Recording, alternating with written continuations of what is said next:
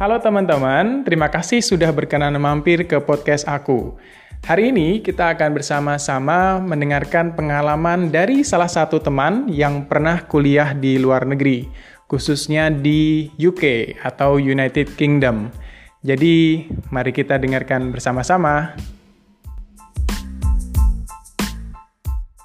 Jadi, aku punya teman, dia pernah kuliah di luar negeri, tepatnya di negara Inggris atau di UK. Dia kuliah selama sekian bulan. Nanti kita akan tahu lebih banyak tentang dia. Without any further ado, kita langsung ngobrol aja ya dengan teman saya itu tadi. Halo Komile. Halo Dwi. Hey, gimana kabarnya nih? Uh, good, good. Good, very good ya. Kegiatannya apa saja nih selama WFH? Selama WFH karena tidak harus ke kantor ya. Jadi ada waktu yang di save sih buat kembali ke riset, buat lihat-lihat hmm. apa sih yang harus di dipelajarin dari fenomena COVID-19 terhadap pembelajaran uh, gitu sih. Cuman pas hmm. awal-awal WFH agak susah buat nyesuaiin. Cuman sekarang kayak uh, I need to keep up with the situation gitu. Ah, oke. Okay. Jadi mencoba tetap produktif ya di tengah situasi semacam ini ya. Hmm. Ah, oke. Okay.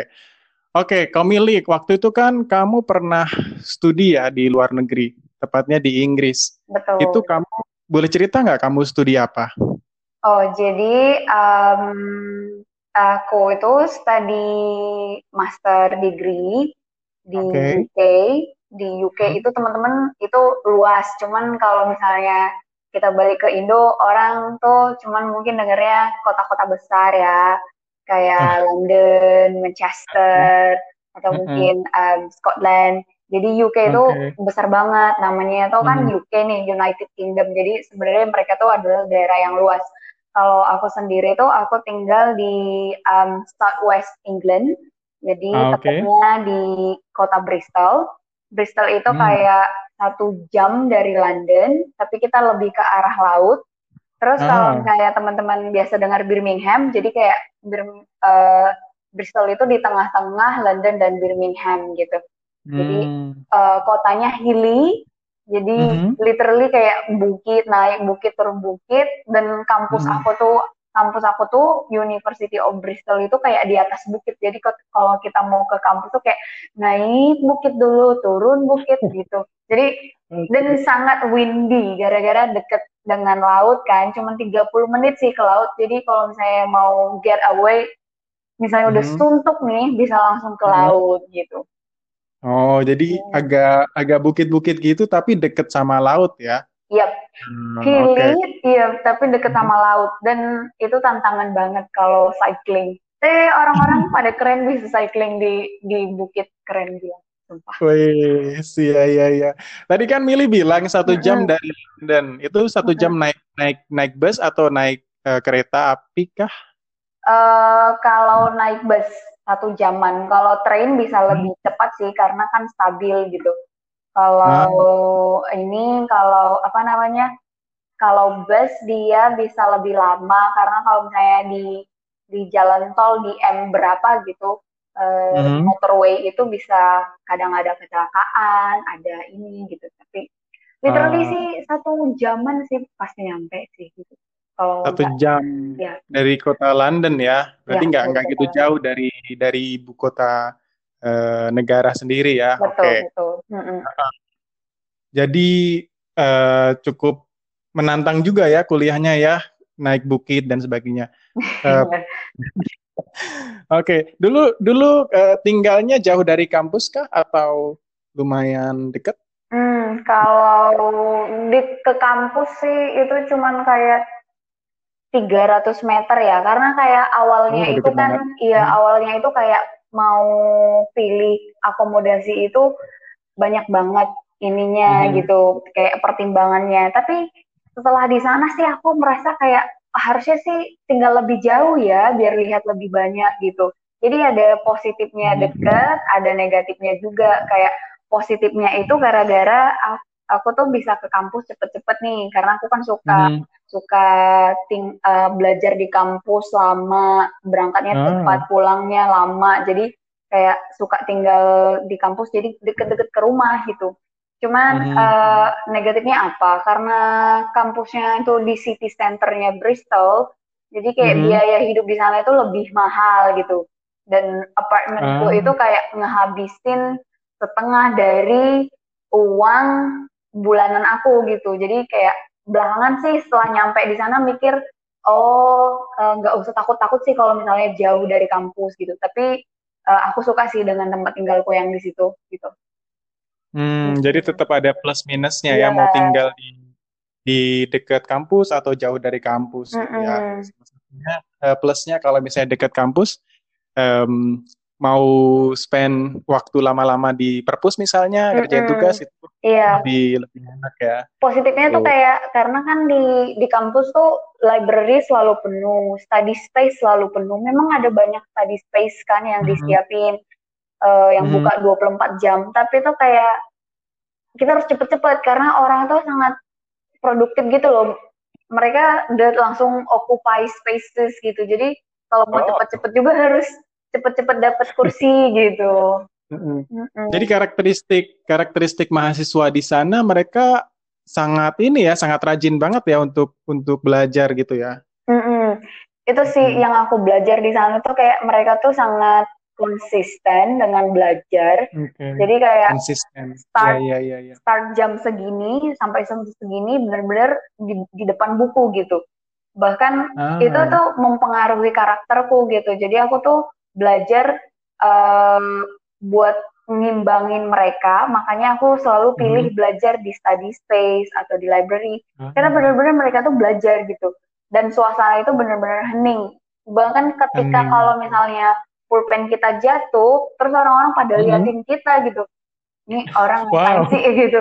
Jadi kayak itu tuh sumpah hmm. bikin kita sangat produktif karena orang-orang hmm. di sekitar kita kelihatan serius. Jadi kita mau nggak mau kita juga belajar gitu. Belum juga tantangan dari hmm. akademiknya kan. Jadi kayak bentuk iya, karakter yeah, yeah, sih yeah. gitu. Hmm, hmm. I see. Jadi uh, mau nggak mau juga kita sebagai quote and quote pendatang juga harus belajar budaya mereka ya. Betul. Harus menyesuaikan hmm. juga budaya mereka ya. Hmm. Hmm, sih. Ya jadi uh, budaya itu berpengaruh pada uh, perilaku kita sehari-hari. Betul betul.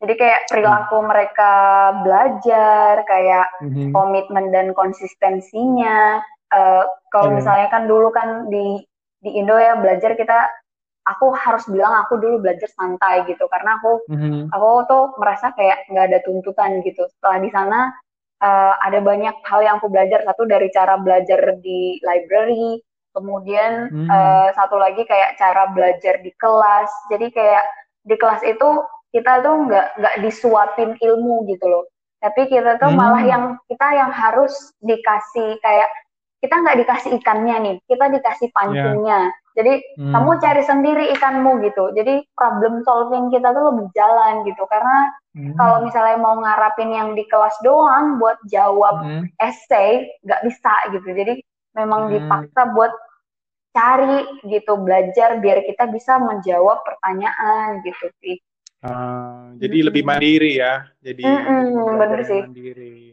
Uh, Aku harus bilang lebih mandiri sih. Mm -mm. Oke, okay. jadi Mili tadi bilang bahwa Mili dulu belajar di uh, University of Bristol di UK ya. Betul. ya. Kemudian ini nggak sih kebayang nggak sih dulu bakalan belajar hal-hal seperti itu yang istilahnya aku harus ke Inggris mm -hmm. bisa biar belajar tentang budaya. Nah, ada ada bayangan nggak sih atau kenapa sih dulu pilih pilih UK? Mm-hmm. Oke, okay. jadi kalau uh, awal sih kayak buat hmm. persiapan itu aku tuh harus bilang aku percaya diri gitu. Karena aku kan nih guru bahasa Inggris nih. Jadi kayak aku okay. tuh merasa aku tuh merasa oh oke, okay, aku tidak akan kesulitan karena sebenarnya aku ngajarin bahasa Inggris itu dari hmm. pandangan guru bahasa Inggris ya. Bahasa Inggris. Tapi ternyata nih setelah nyampe di sana seluruh bahasa Inggris yang kita pelajarin di sekolah itu nggak bisa dipakai. Dan uh, seluruh kayak uh, budaya yang aku bahkan udah ajarin ke murid-murid nih itu tuh bener-bener jauh dari apa yang kita bayangkan. Kayak awal-awal sih cultural shock pasti ada. Karena bener-bener kita yang dari timur dimasukin ke barat itu adalah suatu hal yang sangat beda gitu. Aku sendiri aja yang guru bahasa Inggris merasa, loh kok gini ya gitu. Loh kok bahasa Inggris aku yang tadinya udah cap cus nyampe uh -huh. di sini aku tiba-tiba merasa kayak kecil banget gitu. kayak nyalinya ciut gitu. Yeah, Buat yeah, iya. bicara yeah. sama orang aja aku tuh kayak mikir, aku harus bicara atau enggak ya gitu. Beda, hmm. karena aku harus bilang, karena kan kalau kita di rumah nih, kita yang punya hmm. power, jadi kita santai aja kalau mau bilang hello sir, hello mister gitu. Ketika mm-hmm. kita yang udah nyampe di sana, kita tuh mm-hmm. menjadi orang yang kecil di antara yang banyak. Kita tuh benar-benar nyalinya ciut gitu. Aku mm. aja buat yang aku harus bilang aku guru bahasa Inggris, kayak aku ngomong bahasa Inggris setelah nyampe di sana itu kayak aku tuh perlu banyak waktu untuk menyesuaikan, terus untuk memutuskan aku hmm. harus bicara bahasa Inggris karena kecenderungannya itu kita akan hmm. merasa kecil sehingga kita perlu teman gitu. Perlu ah, teman okay. ini, perlu teman ini jadinya dua. Kamu bakalan cari teman Indo hmm. atau mau cari teman lokal buat ngomong gitu. Di situ tuh kayak ada konflik batin hmm. gitu. Jadi itu benar-benar satu struggle sih aku hmm. harus bilang. Jadi uh, uh, pertanyaannya tadi selanjutnya kenapa harus UK gitu ya? hmm Awalnya sih aku tuh punya dua opsi ya. Aku okay. mau ke US sama ke UK. Terus mm-hmm. Kemudian aku juga apply ke beberapa uni di UK mm-hmm. dan di US. Dan mm-hmm. kemarin itu um, aku diterima di uh, eh, UCL, terus Bristol, Sheffield, mm-hmm uh, ada tiga. Terus kalau hmm. di US keterima di um, NYU, New York University. New York. Mm -hmm. Mm -hmm. Cuman, UCL itu uh, London ya? Ya, UCL yang di London. Cuman kemarin London UCL itu aku harus bilang kalau misalnya teman-teman nanti mau apply mm-hmm. harus cepet-cepet karena mereka tuh kan banyak peminatnya nih kuotanya mm-hmm. mereka itu sangat sedikit gitu jadi kemarin oh, okay. itu mm-hmm. aku tuh udah daftar tapi aku belum punya IELTS kan. Terus oh, okay. udah dapat un, uh, apa namanya conditional offer, tapi okay. mereka minta harus dipenuhi gitu kan. Mm-hmm. Jadi mintanya IELTS. Jadi aku tuh kayak mikir ya udah dapat dulu ya uh, mm-hmm. conditional offersnya nanti gitu. Karena kemarin itu jujur kita ngeplay belum ada IELTS karena kan bisa ini bisa conditional offers conditional. tinggal menuhi. Iya, tapi gara-gara mm-hmm UCL itu peminatnya banyak dan aku tuh mm -hmm. belum menuh-menuhin syaratnya. Jadi kayak aku tuh di ini di langsung diisi sama yang lain gitu. Jadi mm -hmm. itu jadi pelajaran juga buat teman-teman misalnya kalau mm -hmm. mau ke UCL kalau misalnya dapat conditional letters harus cepet-cepet penuhin um, persyaratannya biar nggak um, keisi slot sama yang hmm. lain.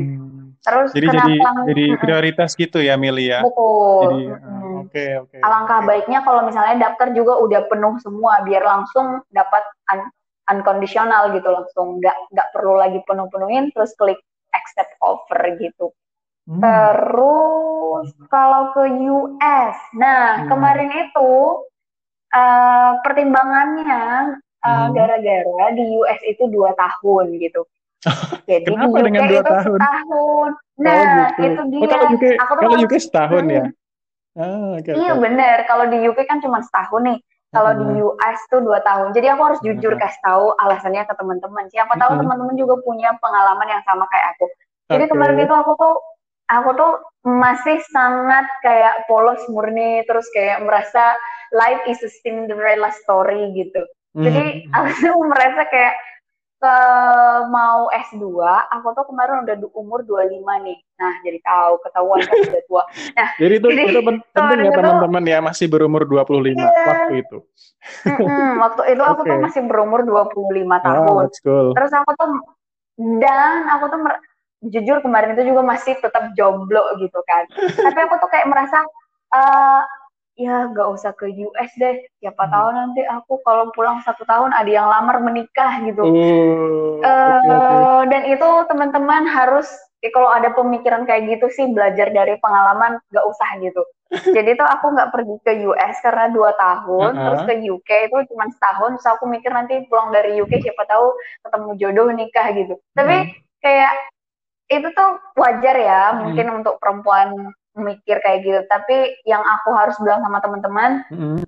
apa pun yang ada di depan langsung jalanin gak usah pertimbangin ntar aku mau nikah segini ikan kan belum kelihatan gitu yang kelihatan dijalanin dulu rencana jodoh atau apa segala macam pun Tuhan yang udah ngatur Pasti. ada kok teman-teman yang ternyata mereka lagi S2 ketemu jodoh di sana hmm. gitu jadi nggak usah terlalu banyak pertimbangan aku mau S2 tapi ntar kalau S2 nanti uh, ketuaan nggak nggak mm-hmm. nggak nggak bisa gitu gitu iya. jadi uh, itu jadi pelajaran yang aku share sama teman-teman kalau misalnya sekarang teman-teman udah ber- mm-hmm. berumur 25 mm-hmm. terus belum dapat jodoh tapi udah mau S2 jalanin aja gitu mm-hmm. nggak usah takut nggak usah takut misalnya ketuaan atau nanti orang takut sama aku gara-gara S2 no no no no mm-hmm. pokoknya jodoh itu Tuhan yang ngatur gitu aja deh. Soalnya iya. jalanin aja apa yang ada di depan. Nanti dalam proses pasti kelihatan. Jangan gara-gara pikiran kita terlalu overthinking sehingga kita nggak ngerjain sesuatu gitu. Buktinya sampai sekarang saya nggak nikah-nikah belum, belum. Jadi jadi belum. apa?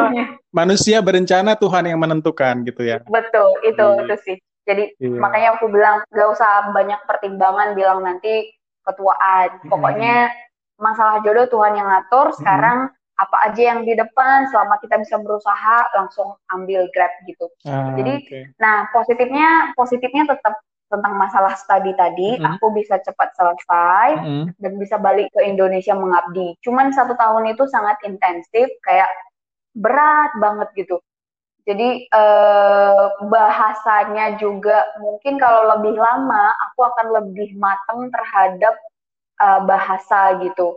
Uh, misalnya kalau aku ambil dua tahun dua tahun setahun itu kayak honeymoon period di mana aku tuh kayak merasa susah beradaptasi tahun kedua mungkin udah bisa adaptasi gitu jadi mungkin hmm. pemerolehan bahasanya lebih banyak tapi uh, satu tahun juga bagus karena kita bisa langsung keep up dapat bawa pulang buat ngabdi lagi gitu kan karena kan kita S2 tujuannya buat kasih balik ke negeri gitu. Jadi ya, ya. harus tetap ada positif sama ininya sih. Tetap. Positif sama sisi ininya, negatifnya. Ya. Hmm, positif sama negatif. negatif sih, plus hmm. minus aja kali ya.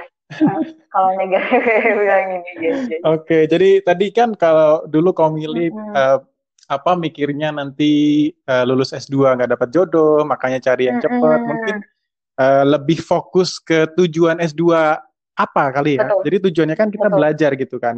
Gitu kali ya. Hmm. Iya, iya, iya, iya, iya. Pokoknya aku hmm. ingat lagi tujuan kalian S2 buat apa gitu. Hmm. Jadi sebelum kalian benar-benar bisa kasih ke orang, ke diri kalian dulu harus selesai dulu gitu. Ah. Jadi benar-benar kalau misalnya sekarang mau S2, yuk go ahead gitu. Kita mau penuhin dulu gitu. Mm-hmm. Dengan S2 kita akan bisa contribute lebih banyak gitu. Mm-hmm. Ya, karena kita udah melihat cara hidup di negeri orang, mm-hmm. bagaimana mereka karakternya. Paling tidak kita nggak bisa mengubah dunia, kita bisa mengubah kita gitu. Ya. Jadi kita yang berubah pasti kasih impact dengan teman-teman sekitar gitu. Mm-hmm. Jadi mm-hmm. go ahead gitu, go for master degree, go abroad. Go abroad, jadi nggak usah mm-hmm. takut ya gitu dengan. Betul. Mm-hmm. Tapi ada juga banyak pertimbangan. Salah satunya tadi di awal-awal Mili bilang struggle dengan bahasa Inggris. Jadi bahasa Inggris mm -hmm. bahasa Inggris perlu disiapin benar-benar ya sebelum berangkat ke sana ya karena karena betul. Mili aja yang guru bahasa Inggris aja dia struggle gitu loh untuk untuk ke bidang studinya gitu. By the way dulu belajar uh, program apa sih Mili di sana? Nah, jadi kan gara-gara aku tuh guru bahasa Inggris, jadi ke sana ngambilnya itu uh, kalau teman-teman pernah dengar itu TESOL, Teaching oh, English to Speakers of Other Languages. Jadi okay. buat studi lanjut, misalnya mm-hmm. kalau di Indonesia, Indonesia bilangnya S2 S2 pendidikan bahasa Inggris kalian. Di luar itu seperti apa gitu. Jadi kalau belajar mm-hmm. di luar kan kita melihat dari sudut pandangnya si orang UK. Kemudian mm-hmm. kita bisa berbagi dengan orang-orang dari seluruh dunia. Misalnya mm-hmm. kayak di kelas aku tuh dulu dari orang dari berbagai negara gitu, bukan bukan cuma orang UK sendiri, bukan cuma orang British. Jadi mm-hmm. di dalam kelas itu kita benar-benar berbagi gimana sih kurikulum desain di negara mereka, apa mm-hmm. sih uh, masalah di dalam mengajar di negara mereka. Jadi kita tuh dapat insight dan mm-hmm. Uh, perspektif yang lebih luas gitu. Sehingga kita nggak nggak apa namanya nggak cuman melihat dari satu sisi saja gitu. Iya. Dulu kayak sebelum pergi ke UK itu aku merasa kayak sistem pendidikan kita is fine gitu kan. Mm-hmm. The, tapi setelah nyampe di sana, aku melihat ada yang lebih fine gitu. Mm-hmm. Jadi ada yang harus diperbaikin dari kita supaya kita bisa keep up dengan global education gitu. Nah, itu kenapa hmm. bisa aku melihat seperti itu? Karena aku sharing dengan teman-teman, baca lebih banyak jurnal, terus hmm. di kelas juga kita uh, diajak untuk melihat dari scope yang lebih jauh seperti itu sih. Hmm. Dan betul bahasa Inggris itu benar-benar harus dipersiapin.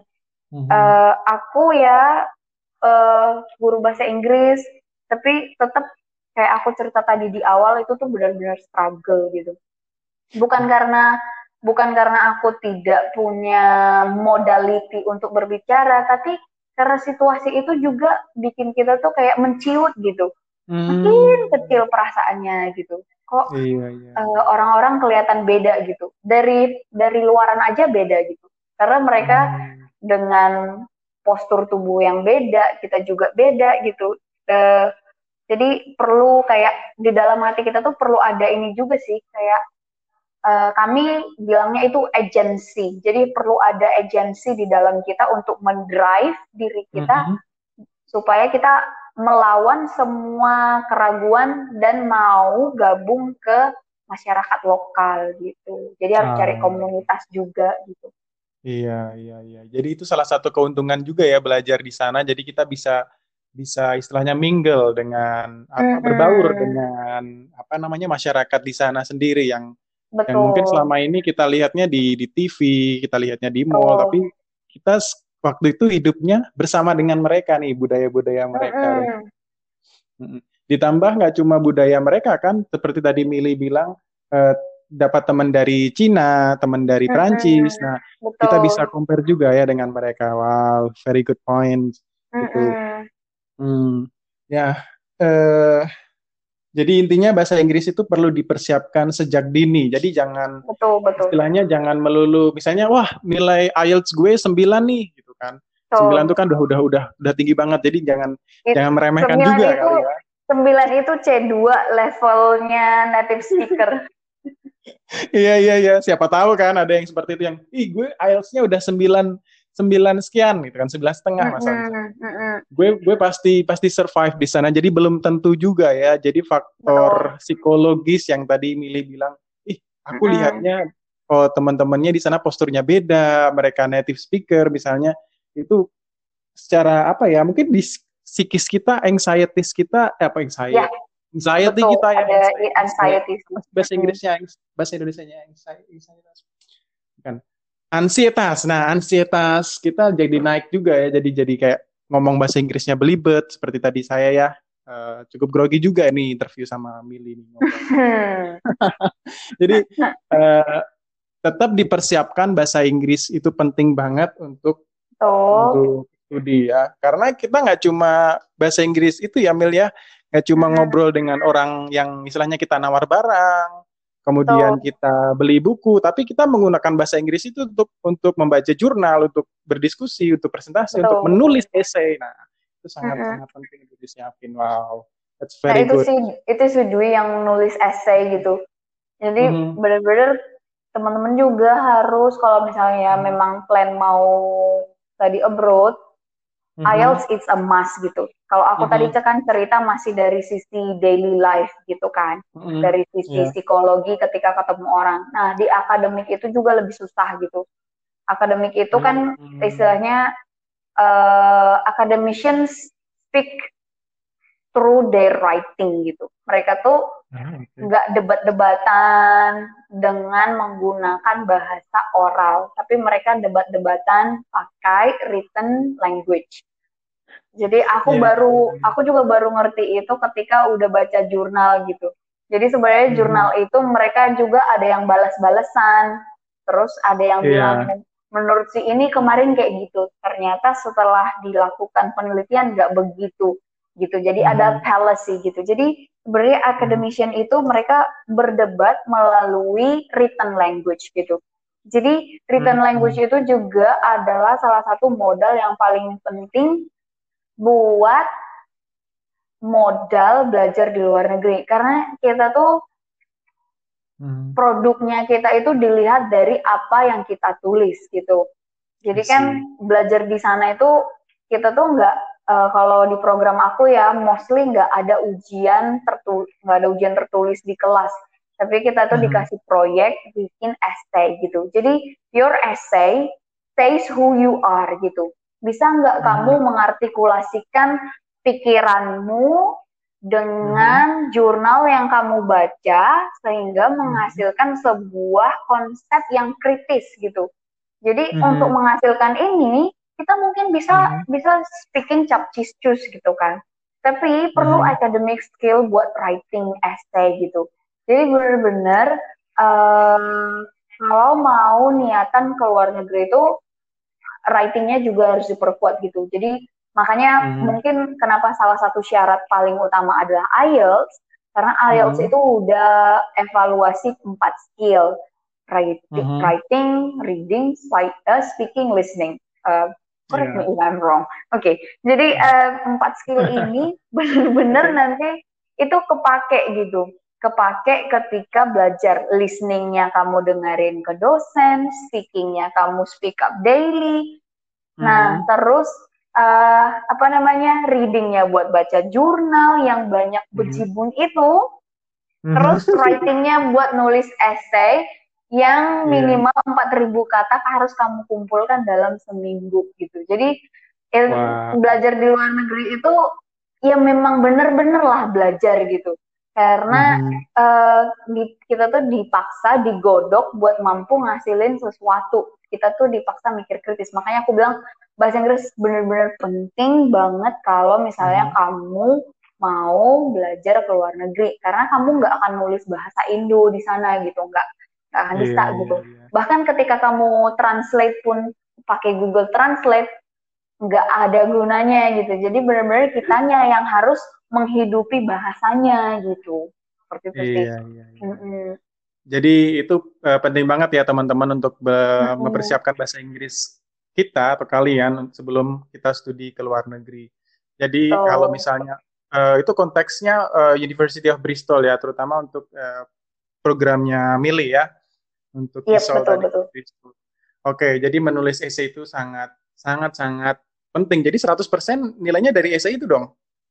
Bener, 100% nilai dari essay. Jadi wow. uh, itu tuh kayak bisa nangis darah kalau ternyata karena itu itu tuh buat nulis essay itu teman-teman kayak perlu banyak baca jurnal terus kita harus bisa bisa mengaitkan kenapa kita mengatakan seperti ini gitu itu mm -hmm. basisnya apa berarti mm -hmm. harus benar-benar sintesisnya jalan kita baca mm -hmm. berapa jurnal terus dapat sebuah kayak benang merah, benang merah itu harus dihubungin gitu. Jadi hmm.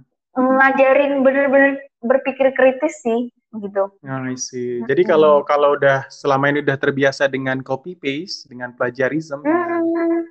Ngambil karya orang gak lain bisa. tanpa masitasi itu udah welcome to hell banget ya kali Amelia. Gak bisa, gak bisa pasti pasti langsung ini kayak mau give up gitu. Iya, iya, iya menarik, Karena menarik. Aku juga punya temen yang kayak awal awal-awal tuh kayak merasa mau mundur gitu. Gara-gara ya mm-hmm. gitu tugasnya berat. Berat banget mm. sih kayak kita tuh biasanya ya di di rumah gitu baca jurnal tuh satu tuh butuh waktu yang sangat lama ya. Tapi di sana mm-hmm. tuh kita harus baca melahap minimal 10 lah buat oh, gitu. bisa dapat gambaran aku mau nulis apa gitu dan kalau punya waktu seminggu buat nulis 4000 kata, kita nggak hmm. baca cepat, nggak akan hmm. kelar gitu. Oh. Dan pengalaman aku tuh buat buat nulis karena aku tipenya nggak bisa begadang. Mm-hmm. Jadi aku tuh selalu ke library itu jam 7 pagi tepat aku udah start. Mm-hmm. Jadi aku bawa bekal dari rumah. Terus nanti jam 12 aku makan siang. Mm-hmm. Uh, jadi kan di study space itu kayak ruangan gede gitu, tiga lantai. Mm-hmm. Tapi ada mm-hmm. ada ini kok di luar ada apa namanya?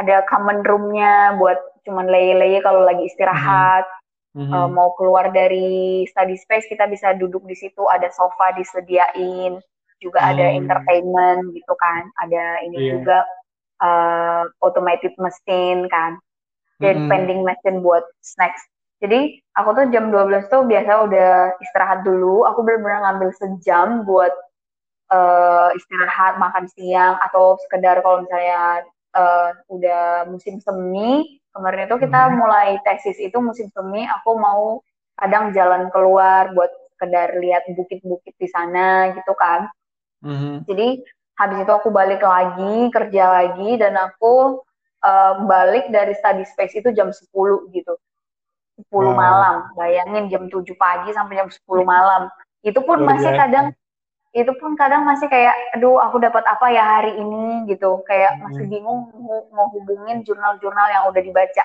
beberapa hmm. temen yang mereka bisa begadang mereka bisa tiduran di library karena di library buka 24 jam kan uh, hmm. mereka bisa menginap di sana literally benar-benar nginap gitu karena nah. kalau misalnya udah deadline kan cuma ada waktu seminggu nih mereka tuh uh -huh. kadang bisa sampai di library nginap buat nyelesain tugas pulang-pulang tuh mata udah udah hitam terus muka hmm. udah lusuh kayak tapi karena aku nggak bisa begadang aku tuh biasanya kerja mulai dari pagi jadi uh, jam 10 balik ke rumah 10 malam balik ke rumah terus besoknya hmm. lagi seperti itu siklusnya seperti itu sih kalau aku karena ya. nggak yeah. biasa ini nggak biasa tidur telat gitu. hmm. gitu oke okay. Jadi emang emang nggak salah ya uh, kamu dapat sponsor ya gitu. Jadi eh, sebagai informasi teman-teman, uh, Komili ini adalah salah satu penerima beasiswa LPDP kalau teman-teman tahu. Jadi ini bisa jadi testimoni juga uh, bahwa penerima LPDP itu nggak cuma jalan-jalan, jadi benar-benar di sana tujuannya untuk belajar gitu ya. Bisa jadi testimoni benar nih bagi LPDP nih. Gitu. Jadi uh, kalau teman-teman mungkin lihat punya teman kuliah di luar negeri, uh, ikutin hmm. Instagram mereka, ikutin Facebook mereka, uh, mereka jalan-jalan ya itu itu cuma ya? pengalihan ya? isu. pengalihan isu dan itu juga reward juga kali ya atas iya, usaha ya, keras, atas usaha hmm. keras yang sudah dilakukan kayak misalnya tadi Mili bilang uh, di di room jam 7 sampai jam 10 mungkin kalau pas weekend ya jalan-jalan hmm. karena emang betul betul harus balance kan ya setuju nggak Mil ya, kita harus balance benar-benar dan aku tuh belajar balance dari mereka gitu karena kayak hmm. mereka itu etos kerja itu Senin sampai Jumat beneran yang kerja banget gitu nggak ada yeah. main-mainnya tapi kalau hmm. udah Sabtu Minggu nggak ada orang yang hmm. belajar kok pada ini pada keluar gitu. Mm-hmm. Jadi aku juga belajar kayak ngatur waktu itu hidup itu harus balance kayak mereka gitu. Jadi Senin hmm. sampai Sabtu, Senin sampai Sabtu, Senin sampai Jumat benar-benar hmm. semua orang kerja. Tapi teman-teman mulai dari weekend nih, Jumat hmm. malam ke Minggu, ya mereka benar-benar nikmatin hidup, berparti nikmatin gitu. Hidup. Yeah, iya, yeah. jadi kayak aku tuh kemarin kan masih awal-awal kayak merasa struggling banget. Aku Sabtu hmm. juga ke library gitu. Tapi hmm. di library itu malah kosong gitu. Yeah. Nah, kalau kalau pulang udah jam limaan, di jalan-jalan mm-hmm. itu udah rame orang-orang udah party gitu nah mm-hmm. nah itu juga salah satu culture mereka sih kayak awal-awal mm-hmm. itu aku juga agak culture shock tapi kayak melihat uh, budaya mereka yang begitu berbeda gitu kan uh, mm-hmm. kayak di timur kita tuh masih ada lah segan-seganan untuk sekedar berpakaian terbuka gitu yeah, kan. Tapi pas awal-awal itu pas aku pulang dari library hari Sabtu, aku tuh bingung ya, kenapa di library nggak ada orang hari Sabtu. Ternyata aku pulang ke rumah tuh kayak jam limaan sore, orang-orang udah pada party gitu.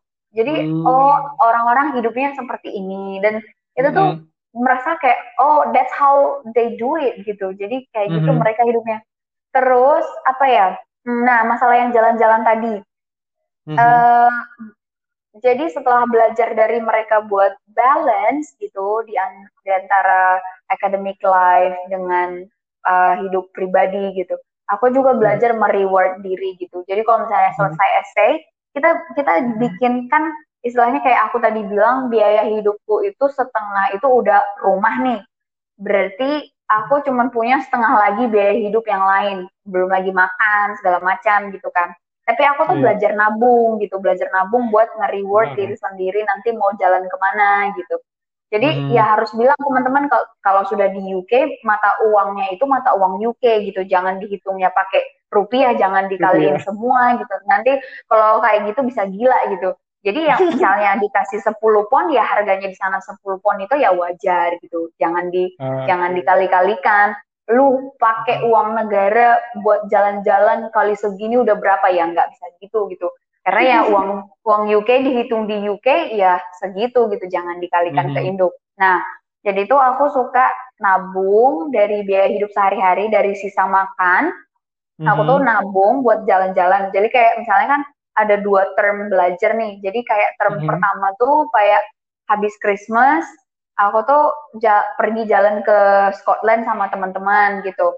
Jadi itu Mhm. tuh dari hasil tabungan dan itu tuh sebagai reward karena udah selesai menyelesaikan term pertama dan semua essay berapa essay satu dua tiga empat lima essay Wow. kali 4000 kata udah diselesaikan, udah disubmit, jadi ya bisa jalan gitu.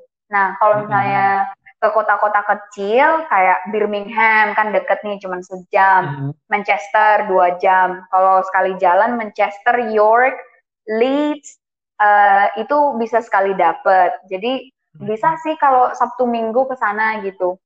Kar Mhm. ya buat yang tadi kayak nimbangin balance di dalam hidup buat biar nggak nggak di academic life mulu karena mental health itu harus dijaga banget ketika belajar di luar negeri. Kenapa? Kamu Setuju. jauh dari keluarga, nggak ada temen ngomong, mau ngobrol juga sama teman-teman, teman-teman pada sibuk, paling bisa ketemu Sabtu Minggu. Nah, Mhm. jadi kalau nggak bisa ngatur diri sendiri, kasih self reward, kasih healing buat kita sendiri, bisa Mhm. ini, bisa bisa bisa gila lah gitu. Jadi Bisa gila ya. Iya, penting banget buat ngebalancein academic life dengan uh, apa namanya? dengan hidup pribadi gitu biar kita dapat ini juga. Dan artinya supaya ketika kita pulang juga ke Indo, kita tuh nggak cuman pintar dalam akademik, tapi kita Mhm. juga pintar dalam cultural gitu, cultural, yes, cultural. Karena kalau misalnya kita cuma belajar doang, bisa-bisa kita pulang ke Indo adalah orang yang sama dengan Hmm. Yang tambah cuman masternya gitu. Tapi kalau kita membalanskan hidup, kita bukan orang yang sama lagi karena kita literally bergabung dengan orang-orang, kita melihat cara hidup Mhm. mereka, kita mengadaptasi yang baiknya, terus yang jeleknya diapain? Dipelajarin dan oh itu tidak baik untuk dibawa pulang ke negeri kita gitu. Jadi banyak iya. banget hal yang bisa kita pelajarin sih gitu. Mhm. Mm-mm. Iya kayak kayak tadi Mili bilang ya nggak cuma untuk budaya yang yang baik yang kita ambil tapi tentang nilai-nilai akademis juga kayak misalnya eh, sharing teman dari Cina, teman dari Prancis Betul. mereka eh, share kurikulum pendidikan mereka, kita ambil yang baik dari mereka yang yang buruk-buruk jangan diambil Betul. gitu ya. Jadi Mm-mm. self control sangat penting juga ya Mil ya. Betul. Aku mau Hmm. cerita itu tentang Hmm. masalah politeness. Di sana tuh kayak Oke. super super polite gitu. Jadi kayak mereka Oke. tuh kayak um, excuse me, morning love, good morning. Jadi kayak kita ke mana-mana tuh kayak mereka tuh ramah banget. Terus kalau misalnya kita kegeser atau apa gitu, I'm sorry, I'm Mhm. sorry. Jadi kayak gampang banget bilang I'm sorry. Mhm. Jadi kayak di Indo kan kita bilang maaf itu kayak mahal banget, kayak menjual segala harga diri ketika kita bilang maaf. Tapi di sana tuh kayak orang I'm sorry, thank you gitu. Jadi itu kayak polite banget gitu. Jadi ketika ketemu orang pun kita bilang please. Terus itu tuh aku bawa ke Indo sih banyak. Jadi kayak aku tuh kayak thank you, please, sorry Mhm. gitu. Jadi itu tuh aku adaptasi ke dalam diriku sendiri, bawa pulang, hmm. terus kayak buat teraturnya mereka, antrinya mereka, bahkan untuk menyeberang pun mereka tuh ya itu kayak itu kan cuman ini apa namanya cuman tanda gitu kan. Tapi mereka tuh hmm. benar-benar patuh sama tanda itu, benar-benar setelah tandanya berubah hijau artinya bisa pejalan kaki baru mereka jalan gitu. Jadi uh, mereka tuh punya self awareness yang sangat tinggi terhadap peraturan uh, hmm. dan benar-benar kayak apa sih teratur banget sih gitu jadi setelah aku di sana sekian lama pulang ke Indo tuh aku jadinya shock aku jadinya mikir oh ternyata di negaraku ini banyak hal ya yang harus diperbaikin gitu ya hmm. komili kan nggak mungkin teriak-teriak why antri dulu gitu tapi aku nunjukin yeah. sih aku tuh mau ngantri aku mau ngalah mm. aku bilang terima kasih aku bilang sorry jadi ya mm. harapannya aku berubah teman-teman dan yang lihat aku juga merasa oh this is how we do it gitu ya kalau aku mau keluar-keluar sih pasti orang-orang bilang nih nih nih gara-gara pulang dari luar negeri jadi sombong kayak gini songong gitu jadi ya bukan kayak gitu sih caranya gitu kita mm. harus nunjukin bahwa kita tuh udah belajar banyak gitu Iya, sih. jadi dari mm. dari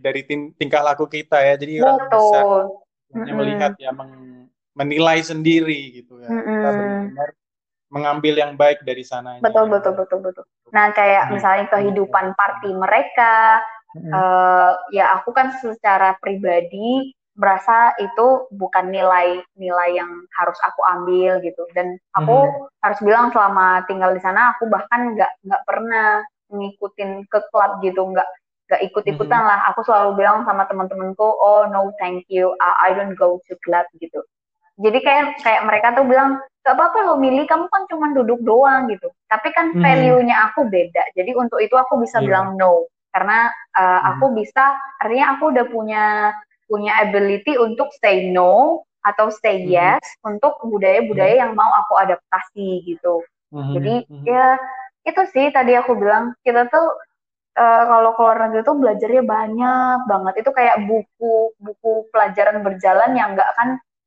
didapetin di sekolah bahkan ketika di sekolah hmm. kita belajar belajar tentang cultural gitu nggak akan semua hmm. dapet gitu tapi ketika kita udah nyebur kita bak bakalan lihat gitu aku punya hmm. pengalaman juga aku kan nulis hmm. nulis disertasi akhir itu kayak uh, language identity kayak gimana sih language itu mengubah hmm. cara pandang orang-orang Indonesia yang udah di sana dan gimana okay. mereka menyikapi budaya yang berbeda. Aku tuh punya satu partisipan yang hmm. dia itu benar-benar menarik diri gara-gara dia merasa kayak orang ini bisa loh seks di luar nikah gitu. Jadi dia kayak menarik hmm. diri kayak itu tidak sesuai dengan valueku gitu. Dan ya hmm. hasilnya apa? ya dia bisa membedakan mana yang harus dia terima, mana yang dia hmm. harus tolak gitu. Jadi mungkin kalau kita melihatnya di televisi itu rasanya bakalan beda ya udahlah itu culture mereka gitu. Tapi ketika yeah. sudah sudah masuk ke culture itu kita benar-benar diajarin are you going to take or leave it gitu. Ambil nggak yeah. value-nya atau ditinggalin gitu. Jadi benar-benar uh -huh struggle dan kalau teman-teman mau rasain let's go abroad gitu. Let's go harus, abroad. Jadi banget, rasakan sendiri ya suka dukanya di gitu. sana. Karena kayak uh, aku berani travel ke mana-mana sendiri, terus hmm. tinggal di hostel yang itu bunk beds di dalamnya itu hmm. bisa puluhan orang ya gara-gara tadi abroad gitu. Jadi okay. aku harus cerita juga kayak aku tuh kan mm -hmm. uh, suka banget memanfaatin fasilitas gitu. Jadi kan uh, eh, LPDP sebagai sponsor aku tuh kasih fasilitas. Artinya apa? Kalau okay. kita okay. mau conference kita tuh dibiayain mm -hmm. gitu. Jadi aku tuh mm -hmm. bener-bener uh, mau pakai fasilitas itu gitu. Jadi waktu kuliah S2 itu aku dua mm -hmm. kali conference ke luar negeri. Jadi satu oh. itu dibiayain oleh si LPDP sebagai sponsor mm -hmm. aku, satu lagi dibiayain mm -hmm. oleh kampus aku karena kampus aku mm -hmm. juga punya dana untuk mahasiswa yang mau conference gitu. Jadi aku benar-benar manfaatin segala dana yang bisa dipakai gitu. Jadi uh, pengalaman Very smart. Yeah, yeah. Ikan kan, I mean kita tuh udah dikasih ya belajar, jadi artinya harus make the most out of it gitu. Jadi aku tuh yeah. pertama conference itu di luar negeri itu ke Roma dan ke Roma Italia hmm. ya. Itu tuh pakai hmm. biaya LPDP gitu. Jadi aku uh, ajuin funding uh, setelah aku keterima di conference, aku ajuin fundingnya ke LPDP, terus disetujuin. Hmm. Nah, aku di sana mencoba untuk tidur di bunk bed bener-bener okay. di bunk bed jadi kayak di dalam satu kamar itu ada beberapa orang terus aku, aku tuh nah ini aku jadi teman-teman kalau bunk bed itu bisa pilih girls all mm-hmm. atau mixed gender gitu jadi mm-hmm. uh, apa ya aku nggak menyinggung masalah sexual orientation tapi gara-gara di sana kayak sexual orientation itu sudah sudah kayak hal yang lumrah gitu dan mm-hmm. kan maraknya dengan LGBTQ jadi kayak mm-hmm. tidur sama-sama perempuan dan mixed gender itu bahaya dan positifnya sama gitu kayak okay. bagi aku yang heteroseksual ya buatku tuh sama gitu negatif uh. eh ah. apanya uh, expected dangernya gitu. Karena kalau tidur sama-sama perempuan pun, nah perempuannya bisa saja yang uh, ini kan. Terus kalau laki-laki juga bisa. jadi ya. ya, jadi aku lebih hmm. jadinya jadi lebih ini sih lebih berkepribadian luas gitu. Jadi aku bisa hmm. tidur sama bisa tidur sama yang mixed gender, bisa juga tidur sama hmm. yang yang all girls gitu. Jadi kayak ngasih aku lebih banyak kesempatan kalau misalnya nanti di girls-nya udah penuh, aku bisa ke mix ini gitu, ke mix gender gitu. hmm. gitu. Jadi aku ting tinggal di sana, uh, aku nyobain bangbat dan benar-benar aman gitu. Jadi mau hmm. coba yang mix gender juga aman, yang coba hmm. all girls juga aman. Jadi uh, aku harus bilang pengalaman itu nyaman gitu. Jadi teman-teman kalau misalnya nanti jalan-jalan ke Europe mau bang bed hmm yang mixed gender atau yang all girls itu aman gitu. Jadi hmm. uh, kemudian next next next next. Nah, aku ke Roma itu di... sendiri. Mm -mm. Ah, Roma. Mm -mm, ke Roma okay. itu sendiri dan benar-benar di sana itu belajar sendiri karena kan Roma nggak belajar bahasa Inggris kan, tapi bahasa Inggris itu modal hmm. lagi gitu. Karena ke mana-mana pun kita pakai bahasa Inggris gitu. Jadi orang-orang hmm. di sana ya bahasa Italia, tapi mereka juga belajar bahasa Inggris. Jadi kita ngomong sama-sama pembelajar bahasa Inggris dan ini exchange bahasanya itu benar-benar keren banget. Kita menggunakan segala resources pakai bahasa tangan, pakai pakai ngomong bahasa Inggris di tekan ya. ulang, iya pakai tulisan okay. atau nunjuk barangnya. Nah, itu tuh kita diajarin kayak survive gitu, survive not with your language with body language atau tunjukin barangnya atau segala macam dan itu pengalaman yang nggak kita kita dapat kalau kita nggak keluar hmm. gitu nah itu konferensi yeah, yeah, pertama konferensi kedua aku main ke Kanada itu dibiayai oh, okay. sama kampus dan hmm. kalau orang lihat mungkin aku mainannya ke Niagara guys itu adalah biaya kampus bukan uang negara nah jadi itu yeah. adalah dari kampus jadi aku conference di University of Toronto di Kanada. Mm-hmm. Dan itu aku benar-benar pertama kali ketemu sama orang yang ku tulis di esaiku rasanya gimana guys kayak oh. kalau misalnya anak-anak milenial sekarang ketemu artis mau keteriak-teriak gue ada gitu teriak ketemu orang yeah. itu gara-gara aku nulisin dia di di esaiku dan aku ketemu dengan orangnya langsung itu kayak aku bisa minta foto enggak? Aduh gila-gila sumpah ini keren banget coba. Udah ketemu kayak ketemu idola ya selama ini iya, orang yang yang kita jumpai cuma di jurnal kita jumpai secara fisik gitu loh. Betul, wow. betul Mbak, sumpah. Itu aku yeah, yeah, teriak-teriak. Yeah. Terus aku kayak, ah ini orang yang aku tulis di jurnal gitu. Jadi setelah itu aku baru tahu ada academic crush gitu. Kita juga bisa nge-crush mm-hmm. sama orang-orang yang dari akademik gitu. Jadi ya itu okay. tadi kalau kita nggak nggak nggak belajar keluar, nggak mau pakai semua fasilitas yang disediakan, ya nggak akan bakal bisa sih gitu.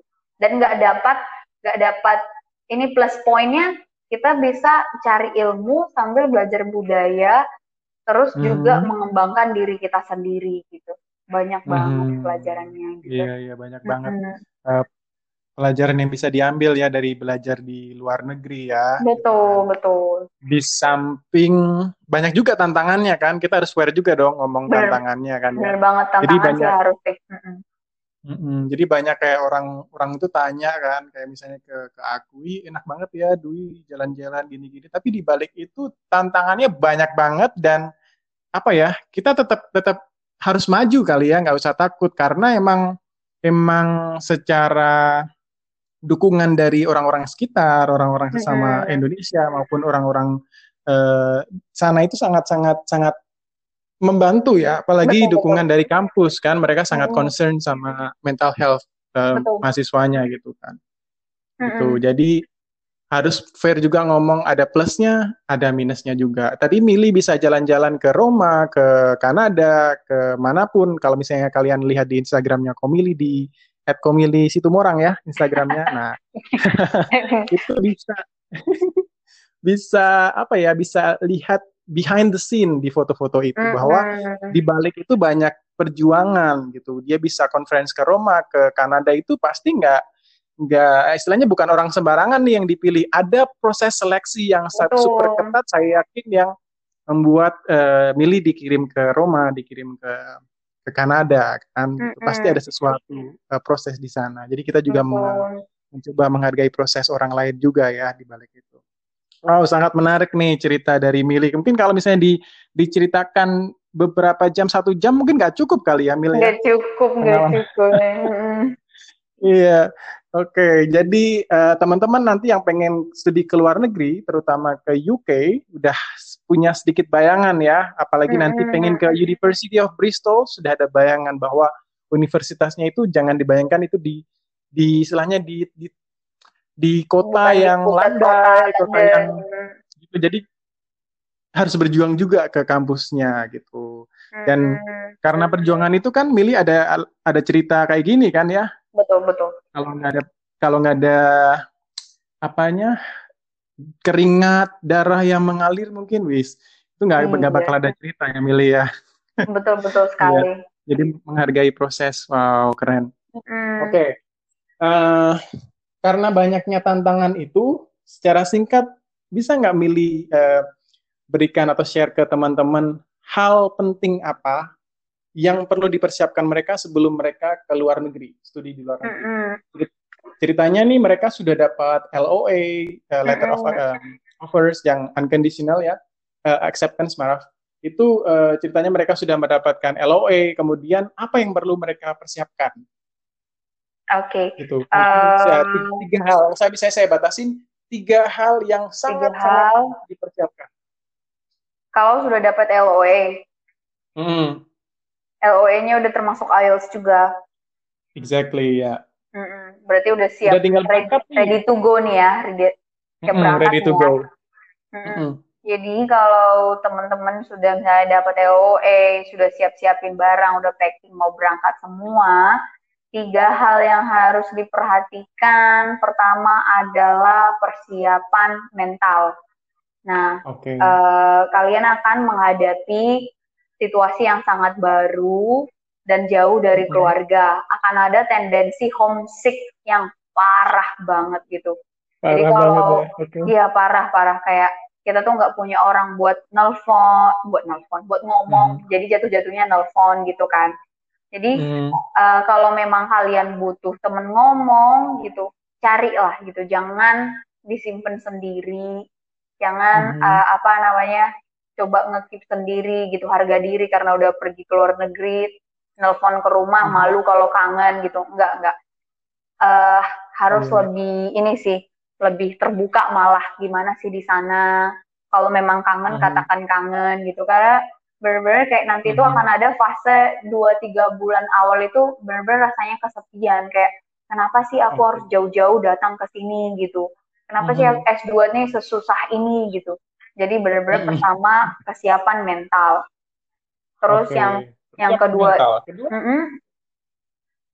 yes yang kedua yang kedua adalah persiapan akademik gitu persiapan akademik okay. ini adalah hal yang uh, paling penting setelah mentalmu tadi karena akademik di sini dan di sana itu sangat beda ya tadi kayak aku cerita hmm. tuh bener-bener kita yang ja, yang biasanya ogah-ogahan baca jurnal sekarang kalau nggak baca jurnal ya nggak akan bisa ngerjakan tugas gitu uh, mm -hmm. 10, 20, 30 jurnal itu kita baca, mm -hmm. kita lahap buat ini. Jadi ya kemampuan baca itu harus ditingkatin Terus hmm. biasakanlah setelah membaca tanya dirimu kamu udah baca apa gitu.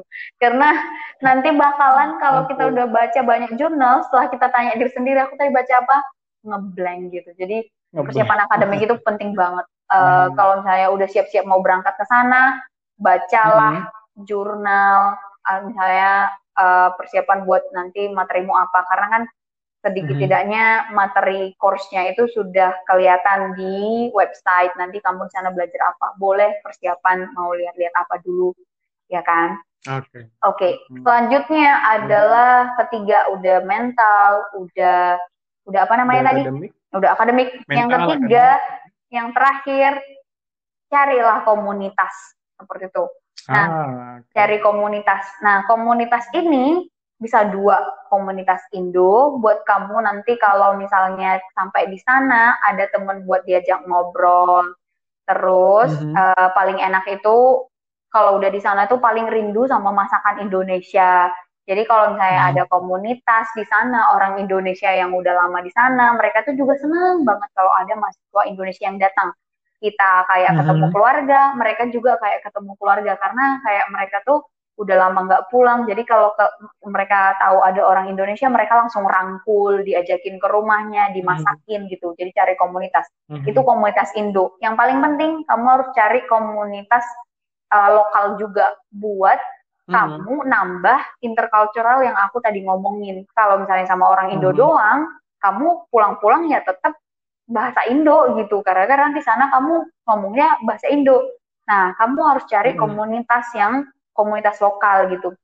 Apakah itu mm-hmm. teman-teman satu kelasmu yang kalian bikin uh, study group ataukah orang gereja? Kalau misalnya aku ya, karena aku pergi gereja. Mm-hmm. Jadi uh, aku mm-hmm. tuh di sana ada komunitas gereja. Jadi tiap Sabtu sore aku selalu Bible study dengan pemuda-pemuda lokal. Jadi dari mereka juga aku belajar gitu. Aku belajar oh uh, kita juga masak bareng ini diajarin segala macam culture-nya dibawa jalan-jalan mm-hmm. jadi uh, itu tuh membantu proses kita beradaptasi gitu yang komunitas mm-hmm. Indo yang komunitas Indo bikin kita serasa di rumah yang komunitas mm-hmm. um, lokal bikin kita tuh merasa uh, ada perkembangan. Aku tuh nggak orang yang sama lagi. I'm a different person karena sekarang aku mm-hmm. living in a different culture. Jadi itu juga sebagian sekalian sebagai ajang buat kenalin Indonesia ke mereka gitu. Kayak aku kemarin aku ah, masakin okay. aku masakin mereka rendang karena mereka kan nggak wow. tahu rendang nih gitu. Uh, uh. Yang mereka tahu itu rendang dari Malaysia. Jadi aku bilang nenek moyang kita sama. Hmm. Jadi ya wajar kalau kita uh, makan rendang yang sama gitu karena kan ya hmm. hmm, hmm. nenek moyang Indonesia sama Malaysia sama gitu. Jadi ya yeah. buat mereka kenalin Indonesia juga karena uh, harus hmm. jujur nggak banyak orang yang tahu Indonesia guys jadi agak sedih tapi oh, so ini tugas kita gitu kita jadi yeah. brand ambassadornya Indonesia di sana gitu okay. jadi kayak kamu tuh yeah, dari yeah. mana ketika aku pertama datang ke gereja mereka bilang kamu dari mana bilangnya dari Indonesia. Um, where is Indonesia? Gitu. Jadi kayak gimana lah hmm. Indonesia -hmm. ku ini? Gitu. Aku bilang hmm. kalian tahu Bali nggak? Gitu. Do you know Bali? Gitu. Jadi hmm. mereka bilang oh Bali. Gitu. Iya Bali itu di Indonesia. Gitu. Jadi dari situ mereka baru kayak dapet kalau Bali itu Indonesia gitu guys. Jadi ternyata oh. banyak yang nggak tahu Indonesia gitu. Jadi hmm. ya apa namanya di sana itu kita jadi jadi ini sih jadi brand ambassador kayak kasih tahu itu kita tuh hmm. orang Indonesia dan guys kalau udah di sana itu aku harus bilang kita merasa lebih Indonesia ketika kita nyampe di sana. Kenapa? Hmm. Karena di sana itu kan banyak nih orang-orang dari negara yang berbeda. Kayak kulit kita tuh nggak beda-beda jauh dengan orang Filipina, Thailand, Malaysia, terus sama Vietnam. Jadi kecenderungannya mereka kan mis misguessing kita tuh ya udah Asian aja. Kalau Asian pasti mereka taunya China aja gitu. Mm-hmm. Jadi tuh kayak kita harus kasih tahu aku tuh orang Indonesia, aku tuh bukan orang bukan orang Thailand gitu. Jadi hmm. kayak kita tuh merasa kita sangat Indonesia ketika nyampe di sana. Kita pengen banget coining I'm Indonesian gitu. This is my flag gitu. Jadi ini bendera kami gitu. Jadi ketika udah nyampe, kalau di di Indo mungkin kita merasa ya udahlah Indonesia Indonesia. Tapi ketika nyampe hmm. di sana, believe me, trust me, kalian akan merasa sangat Indonesia. Kalian akan merasa oh aku perlu membawa nama Indonesia gitu. Jadi, wih, ya. ini mm -mm. sambil merinding loh bayanginnya. Mm -mm.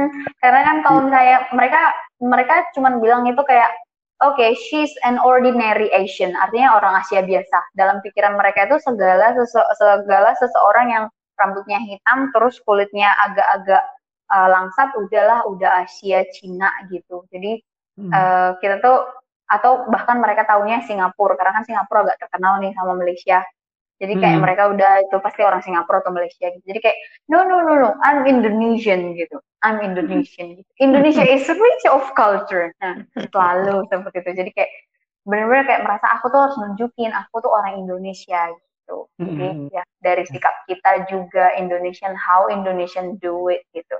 gitu hmm, ya ya ya. Kayak bayangin di sana menyanyikan lagu apa itu? Tanah Airku ya. Itu bakalan ya, keren banget. Sumpah. Keren banget yang merinding ya gue kebayang bayangin. Dan pas 17 Agustus kemarin itu rasanya itu kan kayak setelah sekolah SMA nggak pernah lagi upacara kan gitu udah kuliah kerja nggak upacara lagi. Tapi ketika di sana itu kita upacara dan itu rasanya kayak wah Indonesiaku gitu kayak merinding dan aku kemarin jadi pembawa baki dong. Jadi kita benar-benar upacara kita mengundang orang dari kedubes dari uh, London buat hadir di upacara kita. Dan habis itu kita punya lomba tarik tambang. Bener-bener kayak lagi 17 Agustus lomba makan kerupuk lomba bawa ini kelereng dalam dalam sendok lomba lari botol. Dan itu bener-bener bikin kita kayak menghargai Indonesia itu lebih lagi gitu karena ketika ketika udah habis SMA kan nggak pernah nggak pernah upacara lagi ya udahlah ya biasa aja gitu tapi ketika udah di sana kita kayak wah ternyata kita punya sejarah yang besar dan sejarah itu harus tetap diperingatin buat kita tuh membara terus nasionalismenya gitu. Mm -hmm. mm. Apalagi itu di terjadinya kan di upacaranya di bulan Agustus ya. Uh, betul betul. Mulai kuliah itu September kan, September jadi tahun hmm. berikutnya itu Agustus jadi kayak udah lama banget di di sana. Jadi iya. berupacaranya itu benar-benar hikmat banget ya, ya nggak sih? Hikmat banget, sampah benar-benar. uh, luar biasa ya. Jadi teman-teman, ayo nih harus harus dicoba banget nih. Harus harus dicoba ke luar negeri. Worth it banget uh, ya. Bro. Eh, kita banyak belajar sih dari luar negeri dan banyak buat dibawa pulang ke mm-hmm. negeri ya. Karena kan kita kita orang muda banyak energi punya lebih banyak will lah gitu. Mm-hmm. buat uh, ini buat belajar gitu. I see. akhir-akhirnya negeri ini kan kita juga gitu. Aku nggak bilang semua akan jadi pemimpin tapi kita kontribusi dari hasil dari yang kecil-kecil. Kayak sekarang bangga kan punya teman-teman yang startup ini segala macam. Kalau aku sendiri aku kembali ke universitas mengajar. Jadi hmm. ya istilahnya pulang dari luar negeri nggak harus yang bikin kayak gebrakan yang besar yeah. banget gitu. Tapi kita tuh berkontribusi dalam bidang kita masing-masing gitu. hmm Jadi ada orang yang bi- yang belajar teknologi pulang-pulang bikin startup, ada orang yang bilang yang belajar ekonomi pulang-pulang membantu di dalam kabinet, di dalam hmm kementerian. Aku hmm sendiri dalam pendidikan aku kembali ke, ke universitas buat ngajar. Jadi uh, pembangunan itu ya dari setiap itu dari setiap sudut itu gitu jadi mm-hmm. teman-teman jangan takut nanti aku pulang-pulang nggak bisa kasih apa-apa kita mulai dari hal-hal yang paling kecil gitu kita yeah. semua ini kok kasih kontribusi sesuai dengan apa yang kita pelajarin gitu iya yeah. karena aku ada mm-hmm. pernah dengar uh, teman juga sih waktu di sana itu mm-hmm. gini uh, Dwi begitu kita balik ke Indonesia itu jangan berharap kita itu menjadi seorang angel yang bisa berubah segala hal gitu. Betul banget, betul banget. Kita gitu ya. Kita kita bisa apa? Ya itulah kita kontribusi ya. Jadi tetap itu termasuk juga mikirin ini kali ya Mil ya buat disertasi kali ya. Oh ya, misalnya eh, di UK itu disertasi itu untuk mahasiswa master mahasiswa S2 ya. Jadi kalau tesis itu untuk mahasiswa S3 cuma beda penyebutannya aja sih gitu sih.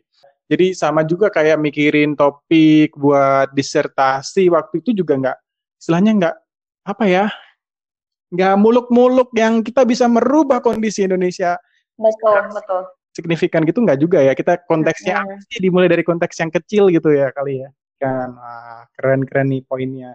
Jadi kalau misalnya eh, saya ulangi tadi yang perlu disiapkan menurut Mili adalah satu persiapan mental, kedua persiapan uh-uh. akademik dan ketiga persiapan untuk mencari komunitas, baik ya. komunitas ya. uh, Indonesia maupun komunitas lokal yang ada di sana. Jadi begitu kita Betul. balik, kita menjadi seseorang yang benar-benar um, apa ya pribadi yang lebih baik kali ya. Kita iya, pribadi yang lebih uh, hmm. apa namanya sudah tambah unsur nasionalisnya, tambah globalnya, jadi pribadi yang global gitu, mm-hmm. global identities gitu. Kita mm-hmm. siap untuk tantangan dari luar, juga tantangan di dalam negeri kita udah bisa gitu.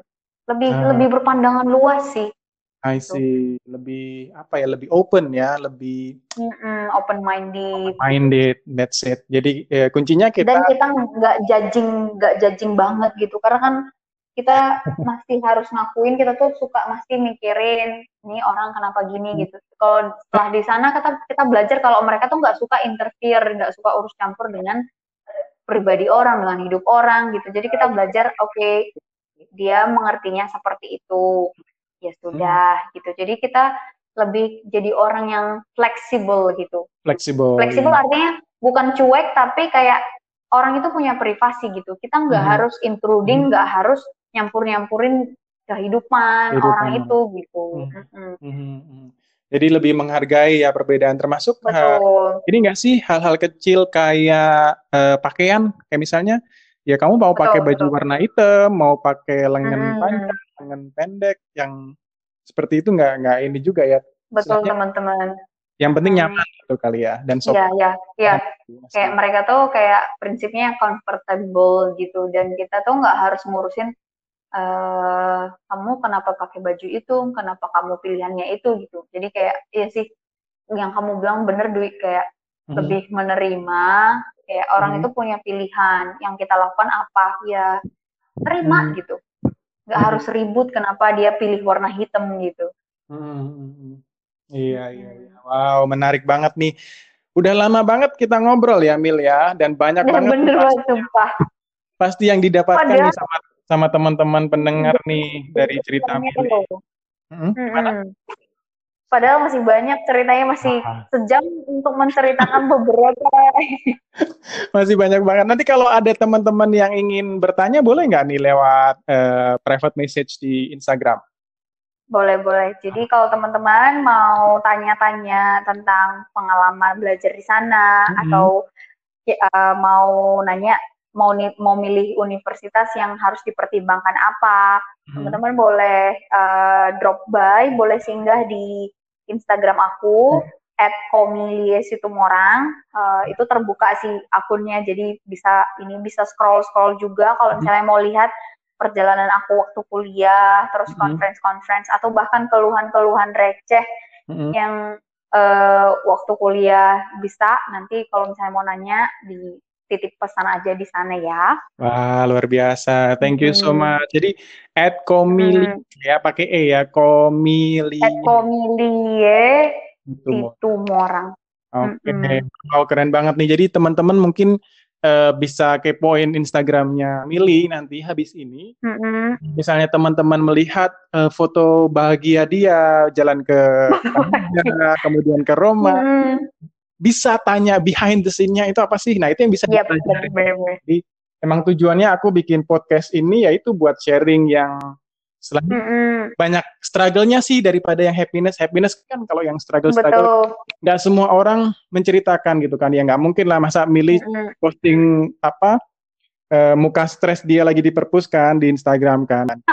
iya, tapi sih positifnya kayak kita postingin yang positif orang-orang pada mau belajar ke luar negeri. Tapi kalian harus tetap tanya behind the scene hmm. itu gimana biar nanti nggak nggak terkejut ketika udah nyampe di sana. Wah, hmm. this is not uh, a fairy tale gitu. Mm-mm. Nah, nah, mm nah. Oke, okay. tapi uh, tetap gitu ya, tetap kita harus harus istilahnya fokus sama tujuan kita. Betul betul. Tanpa juga mendiskreditkan teman-teman yang studi di di dalam negeri. Di juga. dalam negeri, mm-mm.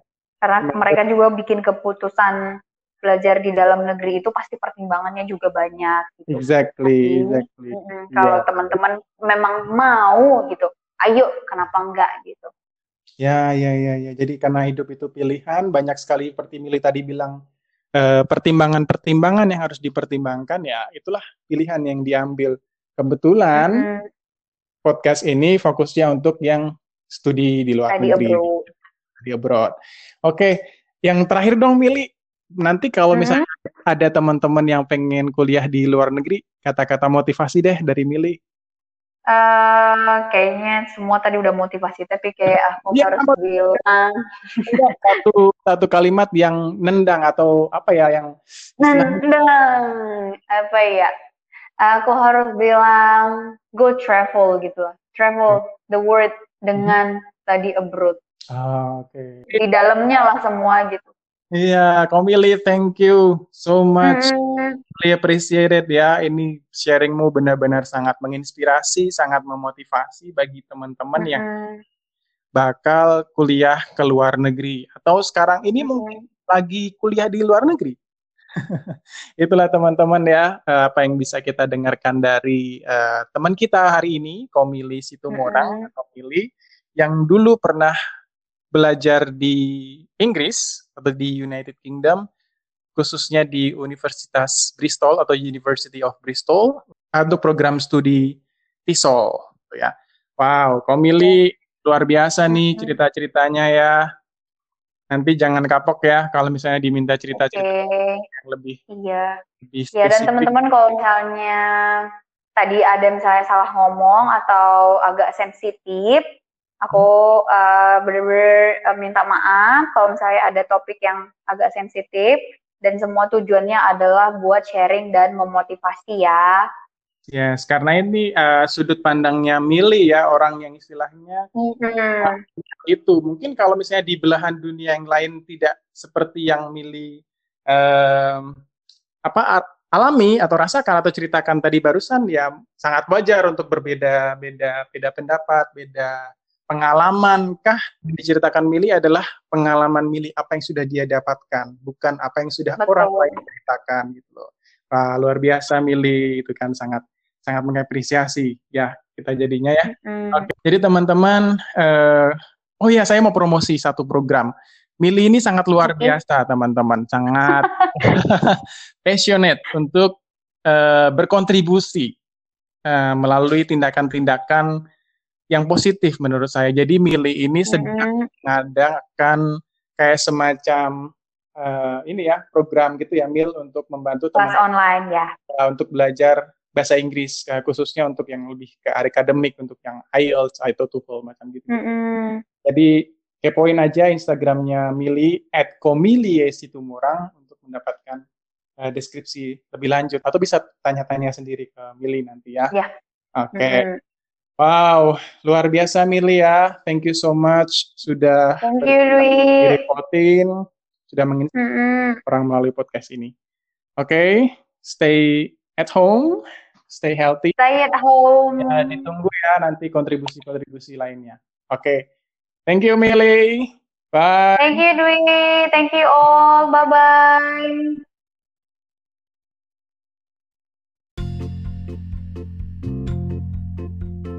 Oke, itu tadi cerita pengalaman dari temanku Komili. Terima kasih sudah berkenan mendengarkan. Bye-bye.